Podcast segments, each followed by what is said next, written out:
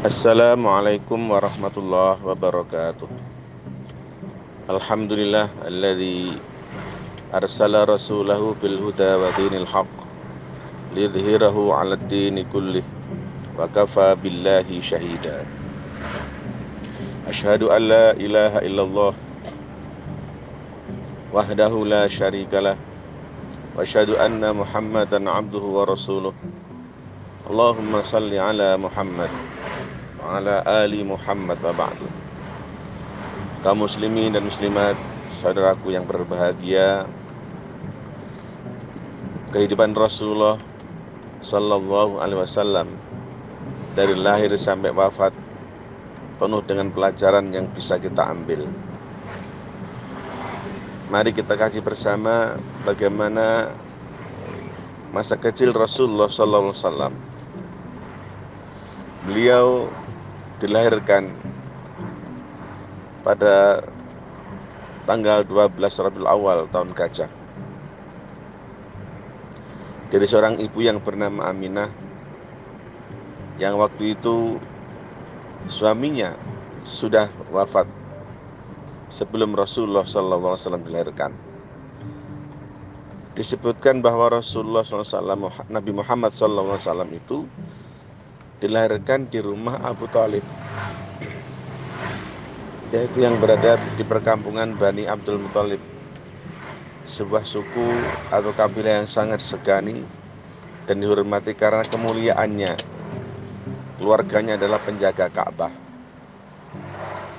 Saat dilahirkan Abdul Muthalib sang kakek itu sedang berada di Ka'bah.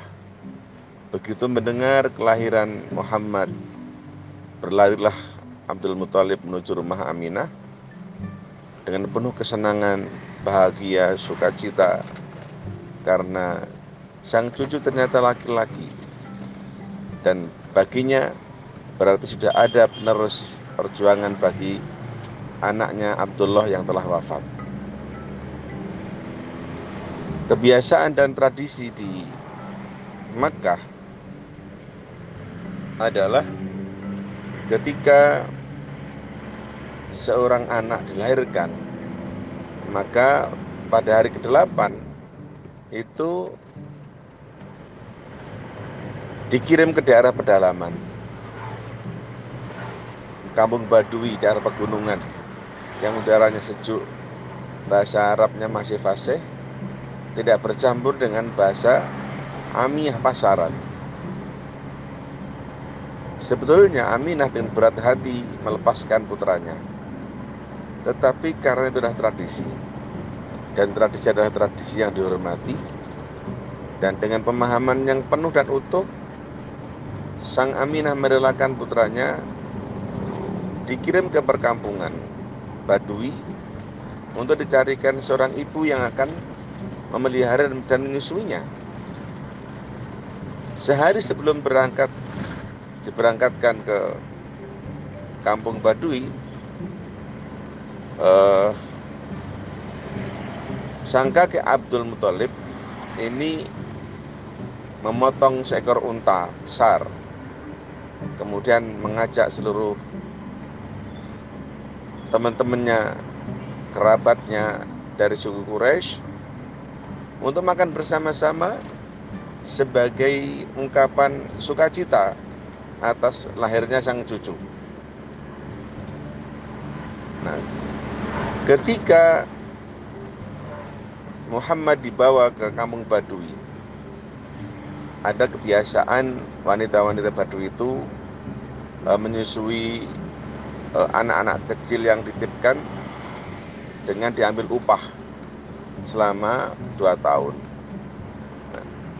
dan senang kalau mereka mendapatkan bayi dari orang-orang kaya dan terpandang karena upahnya besar. Namun ketika mereka tidak mendapatkan bayi yang disusui, kadang-kadang mereka tidak mau. Nah, ada seorang ibu yang baru saja melahirkan, kemudian mencari uh, anak yang akan disusuinya dari pagi dia dapat tidak mendapatkan. Yang ada adalah anak yatim. Kalau dalam pandangan mereka anak yatim itu adalah dari orang miskin. Sehingga ummu seorang seorang ibu Halimah dari Bani Sa'ad ini karena tidak mendapatkan bayi yang mau dibawa pulang dia izin kepada suaminya agar diizinkan membawa bayi yang masih dalam keadaan yatim ini eh, dengan sebuah harapan semoga ada keberkahan. Dan ternyata betul.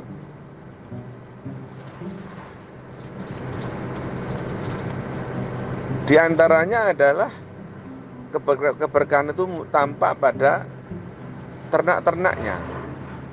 Kambing-kambingnya yang biasanya itu kurus digemuk-gemuk.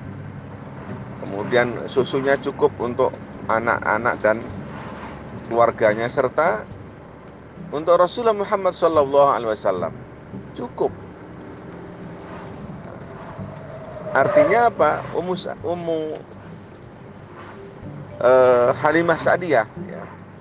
Halimah Sa'diyah ini merasakan ada keberkahan ketika mengambil Muhammad yang yatim ini uh, merasakan ada keberkahannya. Hidupnya jadi tertata. Kemudian uh, ternak-ternaknya uh, gemuk-gemuk dan susunya melimpah. Ini menjadi sumber ekonomi yang luar biasa. Yang sebelumnya tidak didapatkan kondisi yang seperti itu.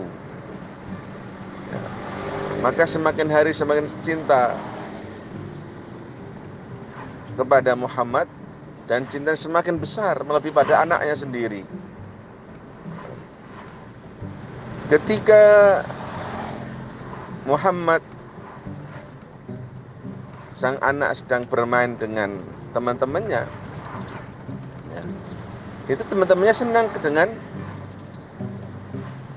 pribadi Muhammad yang masih kecil, meskipun dari keturunan suku terpandang, keluarga terpandang.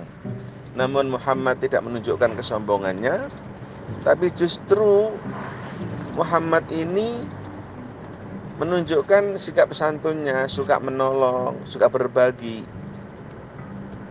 Suka berbagi. Sehingga apa? Dia senangi di kalangan teman-teman seusianya. Nah,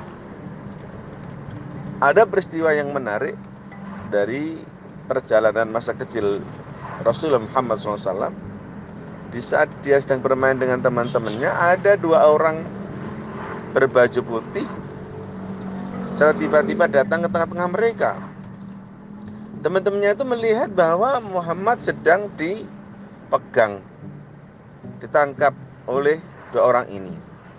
Kemudian dibaringkan di bebatuan lalu e, dibedah perutnya maka berlarilah teman-temannya ketakutan seraya menemui ibunya Halimah Sa'diyah. Disampaikan kepada ibunya bahwa Muhammad telah ditangkap seseorang. Dia sedang dibedah perutnya, dikeluarkan isi perutnya. Ditanya oleh Halimah, betulkah kamu lihat itu? Betul saya melihat sendiri. Teman-temannya mengiyakannya maka berlarilah Halimah ini ke tempat yang ditunjukkan oleh teman-temannya Muhammad tadi. Begitu sampai di tempat itu didapatkan Rasulullah Muhammad SAW dalam keadaan lemes, ya, dalam keadaan ketakutan. Perlu difahami ternyata dua orang itu adalah Jibril. Nah, Jibril mengatakan ketika membedah itu mengeluarkan hatinya itu ada segumpal darah dan dibersihkan dengan air zam-zam dan dikatakan inilah setan yang ada pada hati Nabi Muhammad. Mari dikeluarkan. Lemes Rasulullah. Ah, kemudian ada rasa ketakutan kecemasan. Maka dipeluklah sang Muhammad oleh Ummu Salamah. Eh, oleh siapa? Halimah Sa'diyah tadi itu dipeluk dengan penuh kasih dan sayang ditenangkan jiwanya dibawa pulang ya, dibawa dibawa pulang. Nah, maka ketika Rasulullah Shallallahu Alaihi Wasallam dibawa pulang, ditenangkan, ada rasa kekhawatiran dan ketakutan pada diri Halimah Sa'diyah ini, akhirnya dikembalikan kepada di usia tiga tahun dikembalikan kepada Siti Aminah sang ibunda. Nah, tidak seberapa lama sang ibunda pun juga menginginkan agar tetap kembali ke, ke uh, Halimah Sadiyah. Ada kekhawatiran diceritakan sedang ada wabah di Mekah waktu itu. Kemudian untuk menyelamatkan anaknya, Aminah minta agar Muhammad tetap dibawa ke kampung Badui itu. Dibawalah ke kampung Sa'ad, Bani Sa'ad. Kembali lagi. Nah, Bapak Ibu seorang berbahagia, Masa kecil Rasulullah Muhammad SAW penuh dengan luapan cinta dan kasih sayang dari Halimah Sa'diyah juga dari ibunya. Nah, Rasulullah Muhammad waktu kecil bukan laki-laki atau anak yang manja. Ya, usia 9 tahun uh, beliau sudah menjadi seorang laki-laki anak-anak anak-anak yang produktif. Anak yang produktif. Dia bekerja menggembala domba kemudian diberikan upahnya. Tidak ada waktu yang yang kosong yang nganggur yang dimilikinya. Selalu ada pekerjaan yang menyertainya Masyaallah muslim rahimakumullah nah, apa yang kita dapatkan dari masa kecilnya ini pertama Rasulullah ini mendapatkan bimbingan dan asan yang luar biasa. Ya. Maka kalau kita ingin menjadikan anak-anak kita ini anak-anak yang tumbuh kembangnya baik, sama mesti mendapatkan perhatian dan kasih sayang yang cukup dari dari kita. Yang kedua, Rasulullah dibimbing, diarahkan, disayang oleh orang yang sangat baik dan mulia dikenal orang perkampungan Bani Sa'ad itu adalah mereka yang memiliki akhlak yang mulia, cinta sama anak-anak, ya bersahaja hidupnya, ya. Tentu ini akan mempengaruhi masa depan uh, karakter anak-anaknya. Generasi yang ada di Bani Sa'ad. Rasulullah pun juga demikian. Maka ketika kita menginginkan anak-anak kita di masa depan itu baik, selama kita tidak mampu, kalau kita tidak mampu memberikan Eh, pembinaan, pengarahan karena keterbatasan ilmu dan wawasan kita. Maka ada baiknya anak-anak kita itu juga kita titipkan kepada orang yang soleh. Kalau orang soleh jumlah sedikit tidak cukup ya, ketika dalam masa pendidikan berikanlah kepada lembaga pendidikan yang menjamin kualitas anak itu baik, menjamin keimanannya, menjamin akhlaknya, ya, uh, dididik ibu ibadahnya ya. sehingga apa? Nanti akan tumbuh kembang menjadi anak-anak yang baik. Yang ketiga kita melihat Rasulullah SAW itu tidak dimanja ya dan tidak memanjakan diri sehingga apa penuh dengan kreativitas aktivitas. Ya. jauh dari pergaulan yang buruk. Ada ada kegiatan yang bisa dicontoh yakni menggembala domba. Sehingga dengan menggembala domba itu akan muncul rasa kasih sayang pada ternak.